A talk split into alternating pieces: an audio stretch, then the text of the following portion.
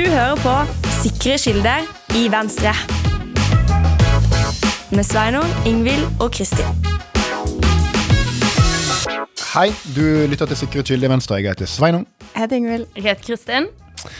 Og Kristin, du ser veldig fornøyd ut. Er det fordi at du har hatt bursdag denne veka? Ja, eller altså, det vil si rett etter bursdagen min, så er jeg jo eh, ikke alltid like begeistra, fordi da har jeg ikke bursdag. Det er lenge til neste gang jeg har bursdag, og jeg har blitt eldre.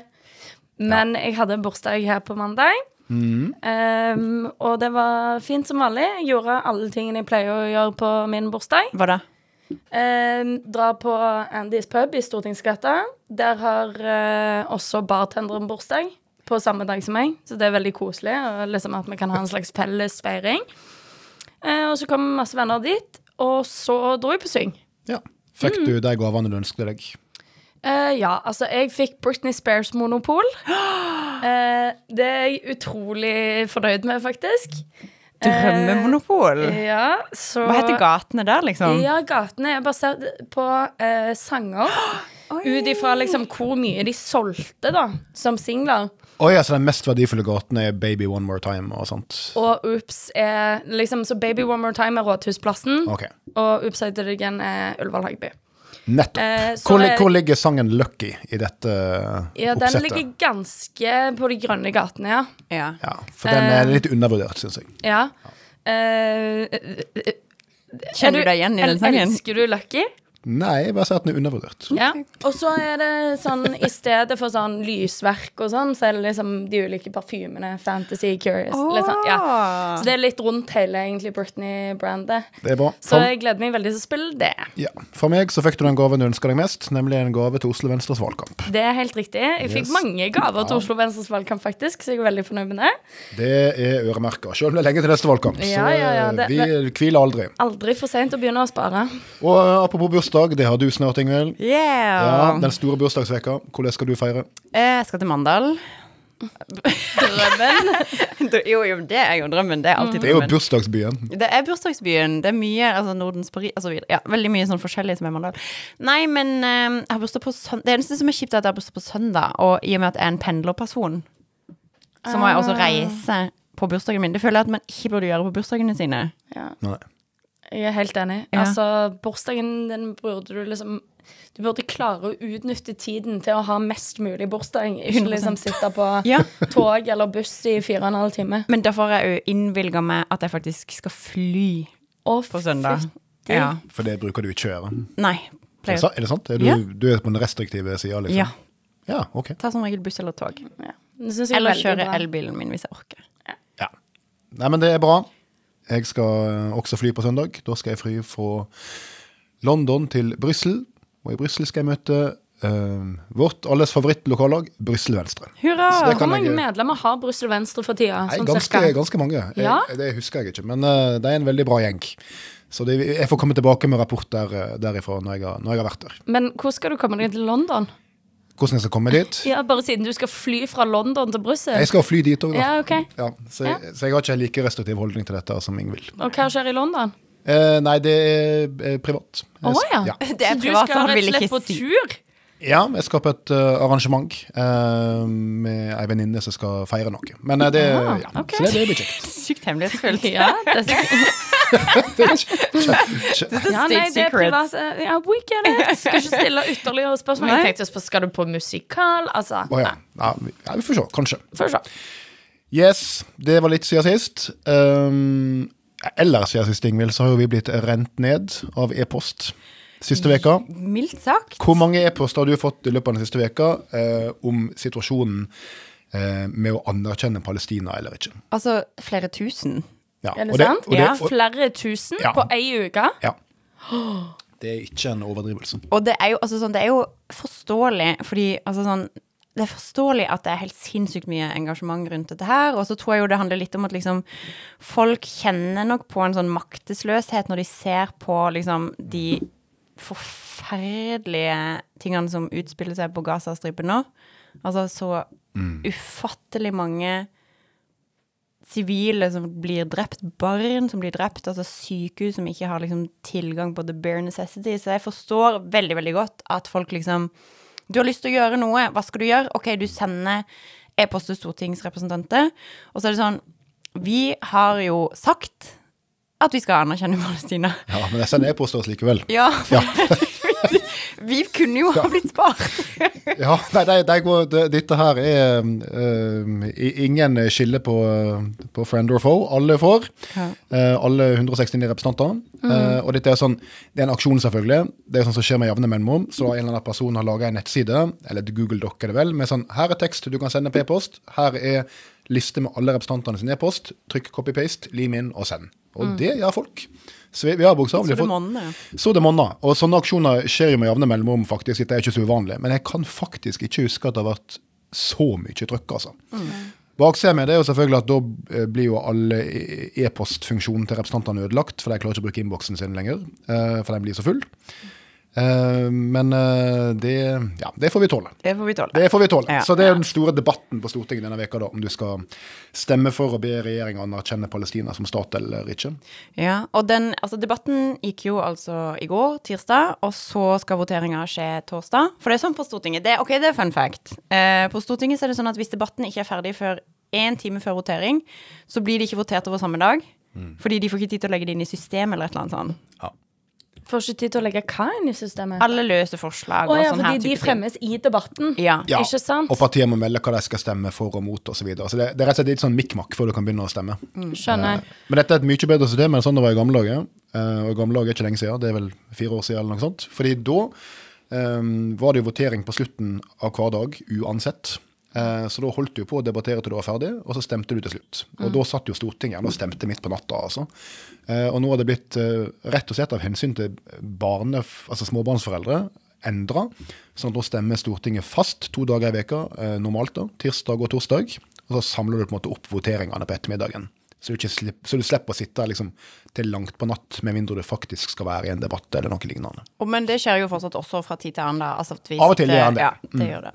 Men ja, nei, og eh, vi eh, lander jo selvfølgelig på 100% riktig sted i denne debatten. Eh, nå er det jo, altså sånn, sånn som situasjonen er nå, så er det jo eh, flere ting som er viktig. Altså det ene som er viktig, er jo å sørge for at det faktisk blir en våpenhvile.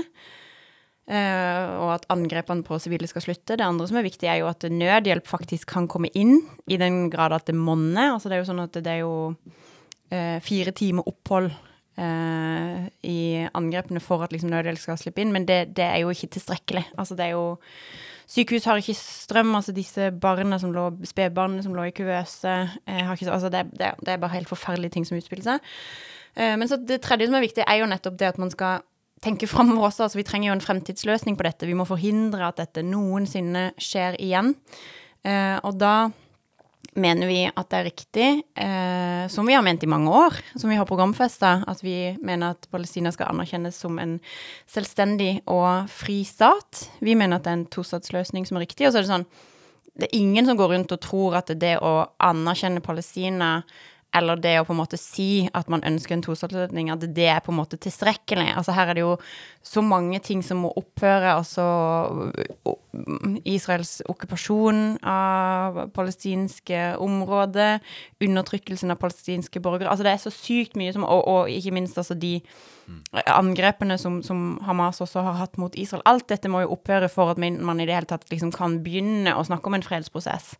Men nå mener vi at det er riktig at Norge sender det signalet. Det er flere andre land som har gjort det. Altså Sverige har jo gått inn for at de eh, anerkjenner Palestina som stat. Eh, jeg tenker jo at det kan være viktig for å på en måte være med og Altså i den ujevne, mildt sagt ujevne maktbalansen som vil være mellom Israel og Palestina i eventuelle forhandlinger i framtiden, så tenker jeg at det er viktig at flere land faktisk anerkjenner også Palestina. Men vi kan være ærlige på at vi, altså vi har jo diskutert dette litt fram og tilbake. Fordi eh, vi uh, Altså vårt prinsipielle standpunkt er at vi, vi mener Palestina bør være en egen stat. Og vi har også gått til valg på at vi bør anerkjenne det som en stat.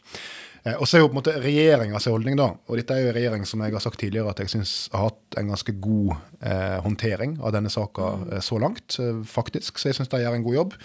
Eh, og de, de sier jo at dette ikke er et godt tidspunkt å gå inn og anerkjenne på. Så de har, de har et sånn timingargument for det, som jeg et stykke på vei har forståelse for. Eh, absolutt. Um, samtidig så for vår, e- altså for vår del så er det mer at vi- stemmer nå det vi mener. Altså Dette er det vi har gått til valg på, eh, og da gir vi uttrykk for det. Og så vil jo ikke det i seg selv endre noe. altså Det er jo hva er det, 143 land i verden som har anerkjent Palestina, og det endrer selvfølgelig ingenting om 144 gjør det, men eh, det er nå et signal eh, å sende.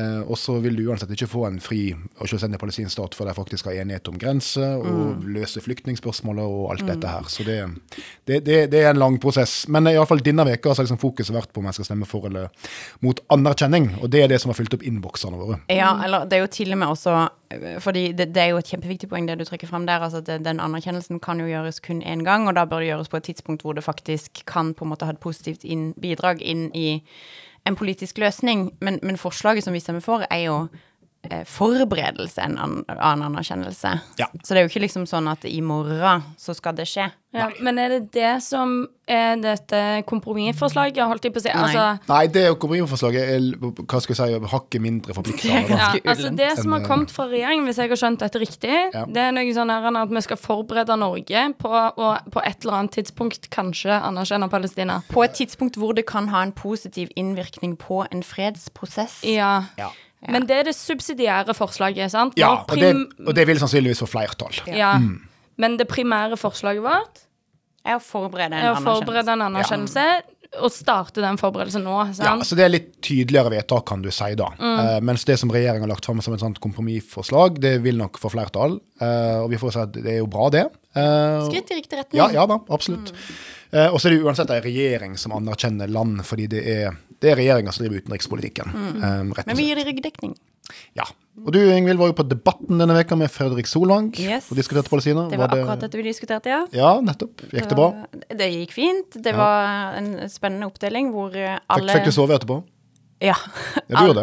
Gjør, pleier ikke du det når du er på Debatten? Nei, for jeg er jo sånn, jeg, jeg sover veldig ekstremt godt, har veldig godt sovehjerte. Men den, det eneste gangen jeg sliter litt med å sove, er når jeg har vært på Debatten. Ja, for det er så seint. For det er så forbanna seint. Ja. Så du er ferdig sånn i halv elleve-tida, og da er kroppen din full av adrenalin, Mm. for du har stått i en TV-debatt.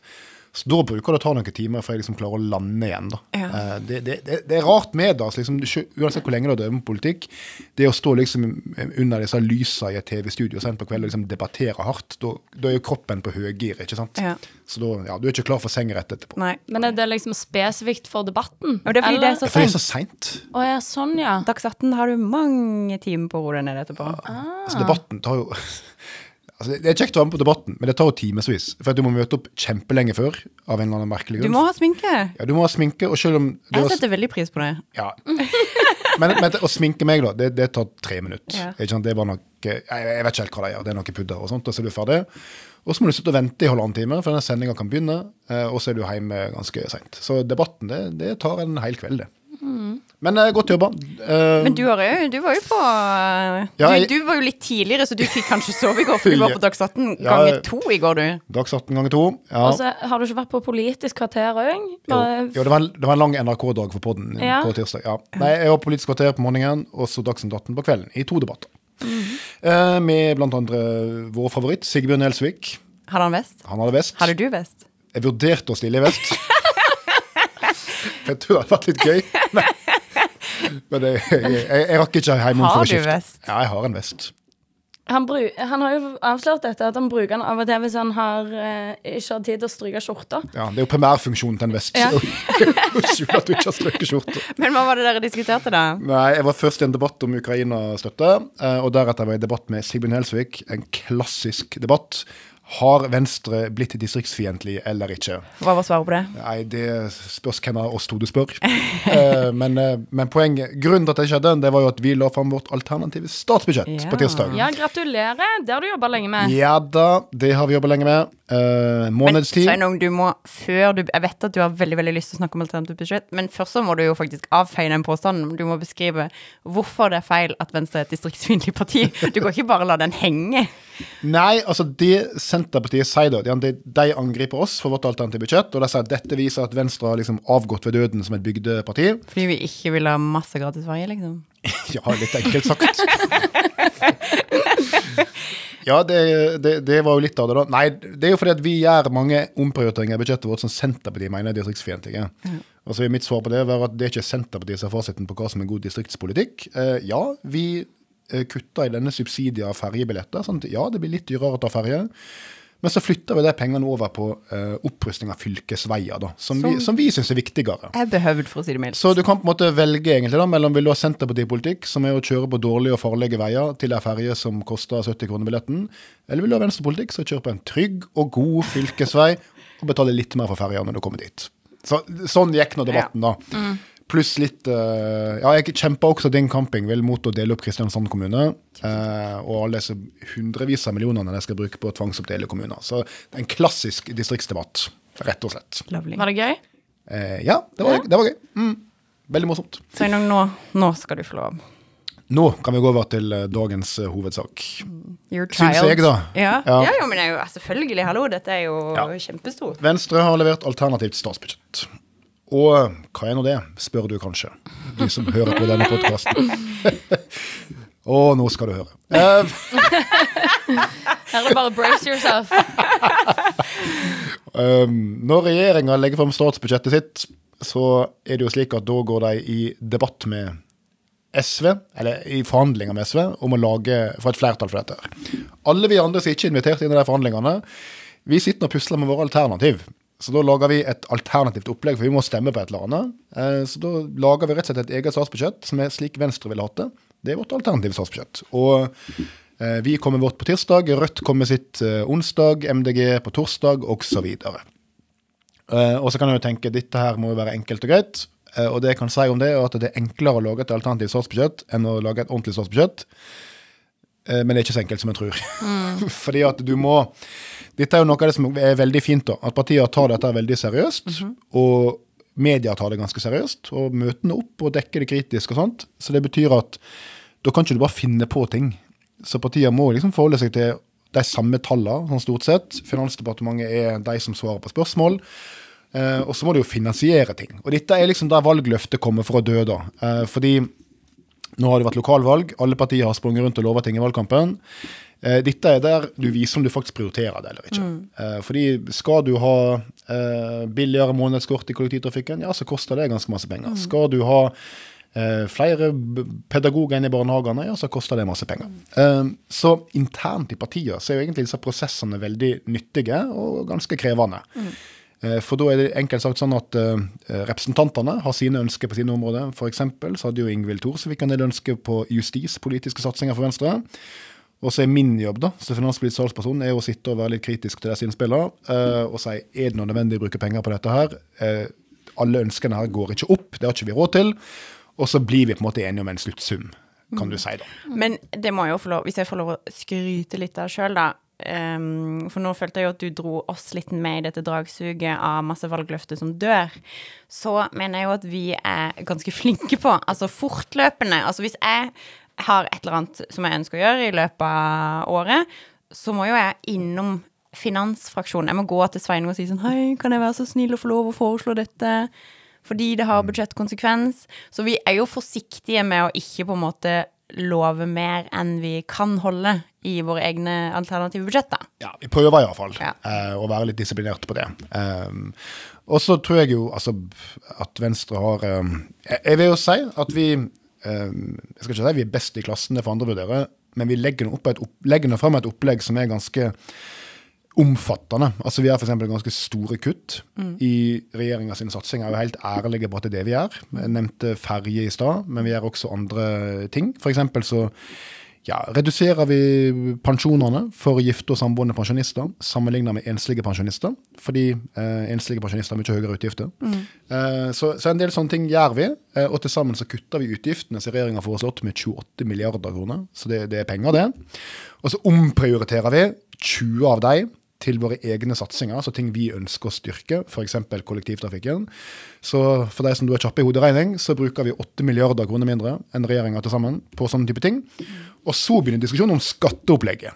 Eh, og det koster jo også penger. ikke sant? Altså Hvis du springer rundt og lover at vi skal fjerne formuesskatten, ja, da må du finne 30 milliarder eh, å gjøre det på. Nå har ikke vi lova det, så vi har ikke kutta det med 30 milliarder, men det er et eksempel. Mm. Og det er jo, altså, for, eh, bare for å eh, forklare det også, altså det du gjør er jo at du tar utgangspunkt i det som blir lagt fram fra regjeringen, og så av vårt alternative budsjett så vil det jo framgå da, ok, hva kutter vi i forhold til hva de har gjort, og hva adder vi? Ja. i forhold til hva regjeringen Ja, har gjort. og det skal helst være sammenlignbart. Men nå har du snakka ganske mye om hva et alternativt budsjett er. Og altså det- Og hvor mye mindre penger vi bruker. Ja, Ja, ja, men absolutt. Det er jo et sånt adelsmerke for et parti å klare å legge fram et uh, seriøst og saldert uh, alternativt budsjett. Mm. Uh, og så liker jeg veldig godt det du sier om at på, folk på Stortinget er veldig flinke, og de tar det veldig seriøst og sånn. Eh, for det, målet må jo være å legge fram noe som det er mulig å faktisk styre på. At eh, man kan jo sånn teoretisk sett risikere at det blir vedtatt. Ja, du kan det. Og ja. da er det det som er the law of the land. Exakt. Og for å ta um, et eksempel som er nærliggende. I Sverige, under den forrige regjeringa, som var en sosialdemokratisk regjering, så var det jo eh, fullt kaos i Riksdagen i noen år. Eh, fordi, eh, litt enkelt sagt fordi at de ville ikke samarbeide med Sverigedemokraterna på borgerlig side, og så bla, bla, bla. Poenget var det endte jo med at regjeringa fikk ikke vedtatt budsjettet sitt. Så det ble vedtatt et borgerlig statsbudsjett fra opposisjonen i Riksdagen, som da sosialdemokratene i, i, Sverige måtte sitte og styre på. Så i litt sånn kaotiske parlamentariske situasjoner, så ja, det er jo Stortinget som bestemmer. Så du kan jo i teorien tenke deg at eh, det blir fullt kaos her, og så ender det opp med å vedta Høyre sitt statsbudsjett, liksom. Så ja, ting, ting kan skje. Og grunnen til at jeg nevner det, er fordi at det er jo ikke bare på Stortinget man legger frem alternativ eh, budsjett. Nei. Eh, det eh, gjør man også i eh, f.eks. Oslo. Ja. Eh, og jeg har Fra ta en tilfeldig valgt eh, kommune. Eh, nei, bare ta en helt tilfeldig valgt kommune. Eh, og nå har jo vi lagd vår share av alternativt budsjett de siste åtte årene, mens eh, noen andre har styrt. Men jeg har òg sett noen opplegg som jeg mener at hvis de hadde blitt vedtatt, så hadde man fått et ganske stort problem. Det er sånn typisk eh, Vi kutter alle bompenger og salderer det med økt skatt. Og så er det sånn Ja. Eh, skal du øke skattesatsen? Er det det som er for, eh, forslaget? Nei, det er bare at vi skal det, det, Folk skal jobbe mer. Ja. Ja. Så det er ganske sånn fiffig når folk bare har sånn teoretisk ja, ja, sånn dynamiske effekter. mm, dynamisk budsjett. Ja, og det er typisk sånn som er litt sånn harry å gjøre. Du kunne f.eks. tenke deg at vi i vårt budsjett, vi, eh, vi kutter jo skattene med en god del milliarder. Fjerner hele denne arbeidsgiveravgifta, ekstra arbeidsgiveravgifta som regjeringa har foreslått. 8,5 milliarder i skattelette. Vi kutter i formuesskatten med 2 milliarder. Vi kutter i personskatten med 4,1 milliarder. Og Da må man jo kunne anta at når det lønner seg mer å jobbe på den måten og skape verdier, så er det flere som kommer til å være i jobb og skape verdier. Men vi le- inn vi- det nei, med men vi sånn legger ikke- 400 nei, Vi legger ikke inn sånn der Vi antar at vi får høyere skatteinngang enn det regjeringa tror, for det er vårt budsjett vil gi mer verdiskaping. Exakt. Det, det, det ville vært en sånn typisk harry måte å budsjettere på. da, som vi, prøver, vi prøver å unngå sånne grep. Enig, men det er tross alt mindre harry enn å si at eh, mindre bompenger eh, bidrar til Mer, Ja. ja, Eh, absolutt. Det som også er en klassiker i kommunepolitikken, så vel Rødt i Bergen har drevet med en stund, så vidt jeg husker, er at du bare forutsetter at med Rødts politikk så ville Bergen kommune fått mer penger fra Stortinget, og da bare legger du ned pengene i budsjettet. Smart. Oh, så Ja. det er fiffig. Det er veldig elegant. Men, Men- ja. Ja, nei, jeg må bare spørre, hva er påplussingene, da? Ja, OK. Eh, noen store satsinger fra vår side. Skatt har jeg nevnt. Ganske svære skattelettelser til folk og næringsliv. Um, så er det jo eh, et svært grep for barnefamiliene som vi gjør, som er det vi snakket om med en podkast tidligere i høst, og det å følge opp anbefalingene fra et ekspertutvalg for barn i fattige familier. Og da øker vi barnetrygda med 2,6 milliarder netto, så vi styrker barnetrygdpotten. Og så skattlegger vi den. Så da omfordeler du. Det betyr at over 70% av barnefamiliene kommer bedre ut eller likt ut som i dag. Og så vil da 30% sitte igjen med litt mindre. Kraftig omfordelende grep som vil, er det beregna, eh, halvere antallet barn som må vokse opp i fattige familier. Så et veldig kraftig sånn eh, fattigdomsgrep da, i budsjettet vårt. Det er stor satsing. Em, så legger vi inn en del penger til viktige ting. F.eks. så styrker vi kriminalomsorgen, som ingen ville vært opptatt av, og har em, vært i VG og snakka om. eh, Bak fengselsgitter. Eller iallfall gitter. I hvert fall gitter. Ja, så da veit du hva bilde de kommer til å bruke når du jukser på pendlerboligen din. Det er skummelt å ta, skummelt å ta sånne bilder, altså. Åh, ja. Um, nei, og så er det jo ganske forutsigbart jeg, for de som følger Venstre over tid. Vi styrker forskningsbudsjettet, vi uh, styrker eh, studiestøtta til studenter. Eh, kollektivtrafikk, jernbane er et satsingsområde. Eh, ja. så, vi, så vi bruker jo en del penger som regjeringa ikke bruker. Eh, men det er ganske stor omprioritering. Men eh, fortell oss mer om klima- og miljøsatsingene. Klima- og miljøprofilen.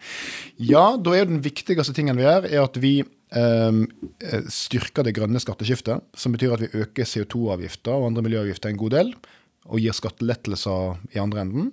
Uh, og så bruker vi ikke så mye biodrivstoff som regjeringa gjør. De pøser jo på med biodrivstoff som ikke gir omstilling, for du bruker bare det, uh, du bruker de samme gamle forbrenningsmotorene som du ellers ville brukt, men med litt mer miljøvennlig drivstoff. Uh, det er en sånn enkel løsning på klimaproblematikken, som også har en del negative konsekvenser for natur.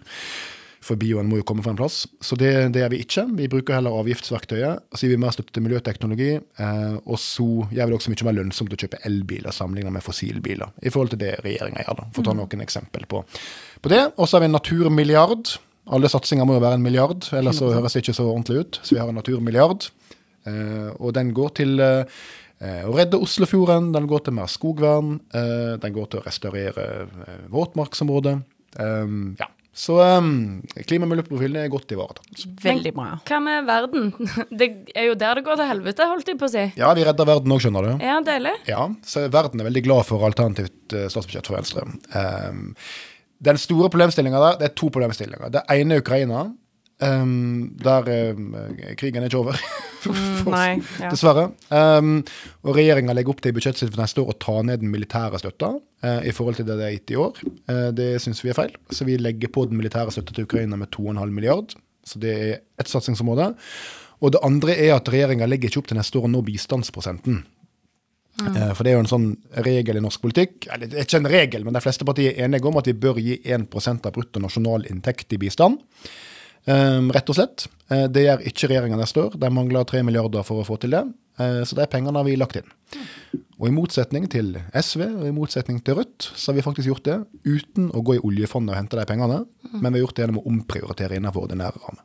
Så, så verden jubler for Venstres alternative statsbudsjett. Og også stansa halveringen av kvoteflyktninger som regjeringen ønsker. Hæ?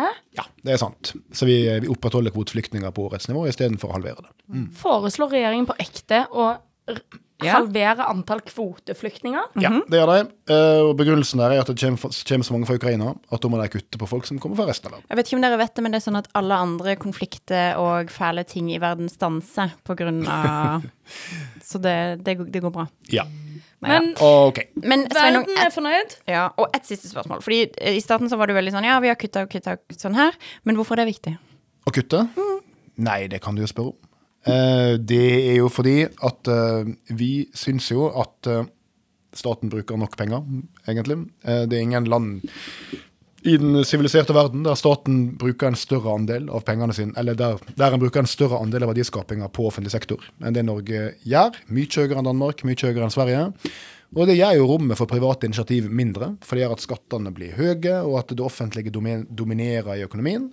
Eh, så vi mener jo at en må klare å holde igjen på pengebruken, eh, og det gjør vi. Og vi tar den ned, ikke enormt, men, eh, men noe. Så det, det syns vi må være et viktig mål, da. Så, så sånn er det. Jeg har jo fortsatt ikke fått tilgang til alle avisabonnementene mine igjen etter at jeg bytta jobb, men jeg har fått med meg at Dagens Næringsliv skryter. Er det det de er fornøyd med? At det- dere utviser moderasjon? Ja, nei, det de det en skrev en lederartikkel som var, hadde overskrifta 'DN mener, kolon, Venstre er inne på noe'. Og det, Det er DN-språk for hurra. Ja, det er ikke ofte en får så hyggelig Nei, det, det, det tar vi til oss. Det var kjekt. Men det de skrøt av, det var at vi vi var veldig tydelige på at de må få fjerna denne ekstra arbeidsgiveravgifta. At skatteøkene som regjeringa har gjennomført de siste åra, begynner å bli i meste laget. Så de syns det var bra at vi gjør det, og at vi viser ordentlig inndekning. Altså at vi, vi kutter i andre ting for å gjøre dette. Vi finner ikke bare på tall. Eh, og så syns de også det var veldig bra at vi økte CO2-avgifta. Fordi de har jo, de, altså DNs holdning til klimaproblematikken, så vidt jeg oppfatter den, er at du må bruke avgiftsvirkemidlet mest. La markedet sørge for teknologien, men sørg for at den grønne teknologien lønner seg. Og Det er jo en god, det er en god tilnærming, så det er jo det som liksom er vårt hovedgrep også. Da. Så det var jo kjekt. Yes. Em, dette her var jo mange ord om et budsjett som aldri kommer til å bli vedtatt. uh, men da vil jeg snakke litt om et uh, ekte budsjett Ja. som vil bli vedtatt. Ja, forhåpentlig. Og da skal vi til Oslo. Ja. Fordi uh, nå legger altså det nye Venstre-Høyre-byrådet fram sitt alternativ til budsjett for neste år, som vi får anta blir vedtatt, i og med at de faktisk har en flertallskoalisjon i ryggen. Hva kan Oslo-boerne forvente seg neste år, Kristin? Ja, nei, det, nå, blir det, nå blir det show. Nå blir show. Eh, nei, altså eh, Vi har jo hatt bare noen uker på å Altså, vi har jo arva et budsjett som i utgangspunktet ble lagt fram av byrådet Dreimar Johansen. Så har vi hatt bare noen uker å gjøre våre justeringer i det. Så det som vi legger fram nå, er en såkalt tilleggsinnstilling til budsjett, der vi gjør noen omprioriteringer sammenligna med det som de la fram i det vi i Oslo kaller for sak 1, som er budsjettforslaget for 2024 og økonomiplan.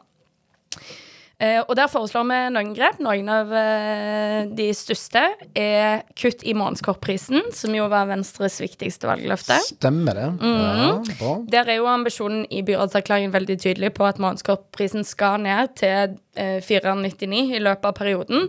Eh, men vi starter allerede nå med å ta første skritt mot det. Eh, så fra og med 1.9. neste år så skal månedskortprisen ned med 150 kroner. Fantastisk. Ja, og det er um, Det er første gang på 16 år Ja, at månedskortprisen blir satt ned. Det er helt riktig. Og hvem var det som bestemte for 16 år siden, Kristin? Ola Elvestuen. Ja, nettopp. Ja. Eh, Så det er bare Venstre fortsatt eh, som har lykkes med å sette ned Månedskopprisen i Oslo. Så gøy. Det er et betydelig grep. Det er et ganske Ja. dyrt grep, og det kommer til å bli enda dyrere eh, de kommende årene, selvfølgelig, fordi at vi skal jo gjøre kraftigere og kraftigere innhogg.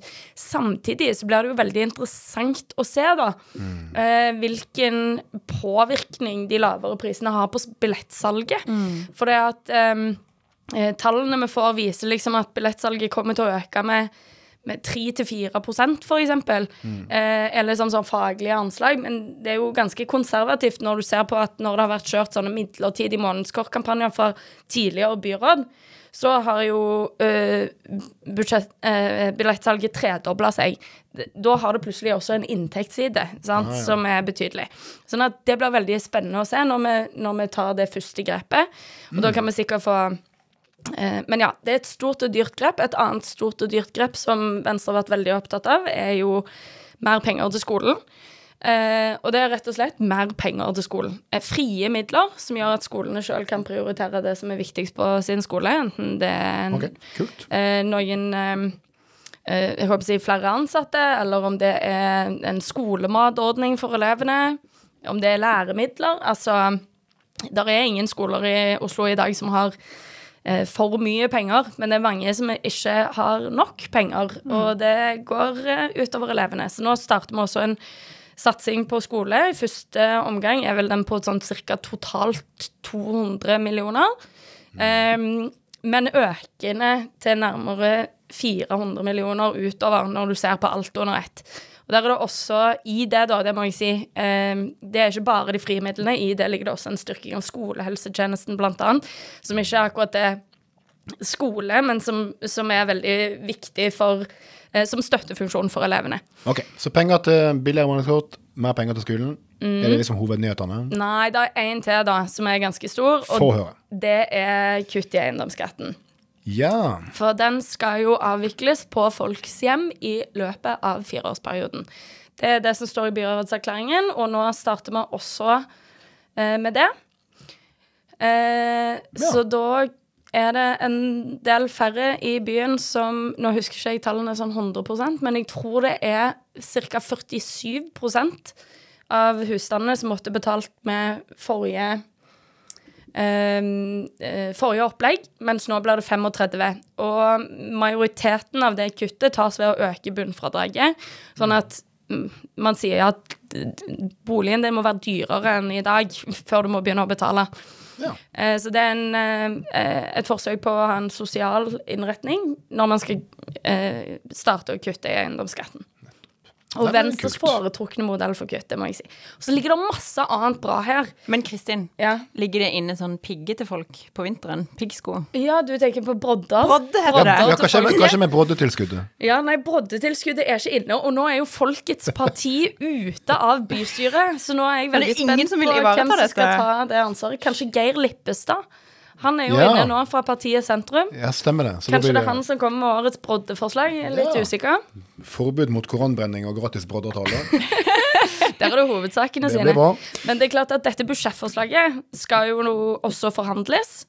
Eh, Med Kristelig Folkeparti og Fremskrittspartiet. Ja, eh, eh, fortrinnsvis. Okay. Så det er jo der vi starter forhandlinger. Det foregår jo på bystyresiden. det er ikke byrådet som er inne i de forhandlingene. Um, og så får vi se, da, eh, hva de mener om det forslaget som ligger. Hva de vil ha inn, og eventuelt eh, ut. Ja, ja, ja. Om vi lykkes med å bli enige. Nettopp.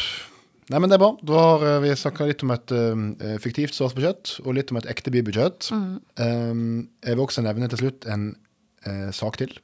Det er også Oslo, da. Så be beklager at det blir sånn Oslo-fokusert i dag, men jeg vil nevne det likevel som uh, tidligere klima- og miljøminister. Så vil jeg gjerne få gratulere den nye klima- og miljøministeren, Andreas Billand Eriksen, med å eh, på fredag i statsråd ha fått på plass en ny nasjonalpark. Ja, Østmarka. Østmarka nasjonalpark, Norges første bynære nasjonalpark. Eh, litt avhengig av definisjonen på by, men iallfall storbynære nasjonalpark. Eh, dette er jo da øst for Oslo, eh, inn i eh, Akershus eh, også. Eh, og så kan jeg jo spørre seg, er det av det verdt en nasjonalpark? Um, men det er det faktisk, for dette her er et område med masse gammel skog. Det er forholdsvis uberørt det er til å være så nær byen. Stort artsmangfold. Uh, ulv, Ja. blant annet. Jeg tror det her blir den første nasjonalparken i Norge med ulv. Er det sant? Ja, det tror jeg. Oh, det er fett. Det sier jo mest om hvor ekstremt lite den ulvesona faktisk er, Ja. men, eh, men dog. Eh, og forhåpentligvis blir det populært. Så gratulerer til eh, regjeringa og klima- og miljøministeren med å ha satt den ballen i mål. Og så får vi også nevne da at dette er jo i kategorien ting som tar ganske lang tid. Eh, Sånne verneprosesser tar mange år. Eh, Så Østmarkas venner eh, og andre lokalt har jobba med dette her kjempelenge. Og så vil jeg også framheve, ikke meg sjøl, men min forgjenger som klima- og miljøminister Ole Elvestuen, som den som faktisk skal jeg si, bør ha, om det, ja, han bør ha hovedæren for at dette skjer. Helt enig. Fordi han tok eh, en viktig initiativ til det da han var byråd i Oslo. Eh, og ikke minst satte i gang verneprosessen fra regjering, eh, da, eh, da vi kom inn i regjering. Så det, det, det var egentlig Det var ferdig skåra. Ja, altså det er viktig å sette ballen i mål, så jeg vil gi regjeringa honnør. Og jeg vet at det er ikke bare enkelt, for jeg vet at Senterpartiet er jo så sett alltid imot denne typen tiltak, og det har det også vært lokalt. Så motstanden fra Senterpartiet lokalt har vært ganske stor. Eh, så ja, det er ikke bare bare. Så det er bra at regjeringa gjør det, men hovedæra vil jeg si faktisk at vi skal gi til Ola. Så eh, gratulerer til han, og gratulerer til alle som eh, er i nærheten av Østmarka, og ikke minst gratulerer til Østmarkaulven, som nå kan holde til i en nasjonalpark. Yay. Ja, det er fantastisk. Skal, Altså, skal dere feire lokalt? Eh, du, jeg tror Marit Vea inviterer hele byen på fest okay. ved første anledning. Det, hun er mildt sagt begeistra. Ja, det vil jeg tro. Nei, men vern er bra. Nasjonalparker er vi for. Ingenting er bedre enn det. Så mange som mulig. Yes. Jeg tror vi gir oss der, Eng. Lykke til med bursdagsfeiring til helga, Ingvild. Takk for det, ja. Lykke til med budsjettet i eh, bystyret, Kristin. Jo, takk. Yes. Og så høres vi om ei ukes tid. Ha det bra, alle sammen. Ha det Ha det!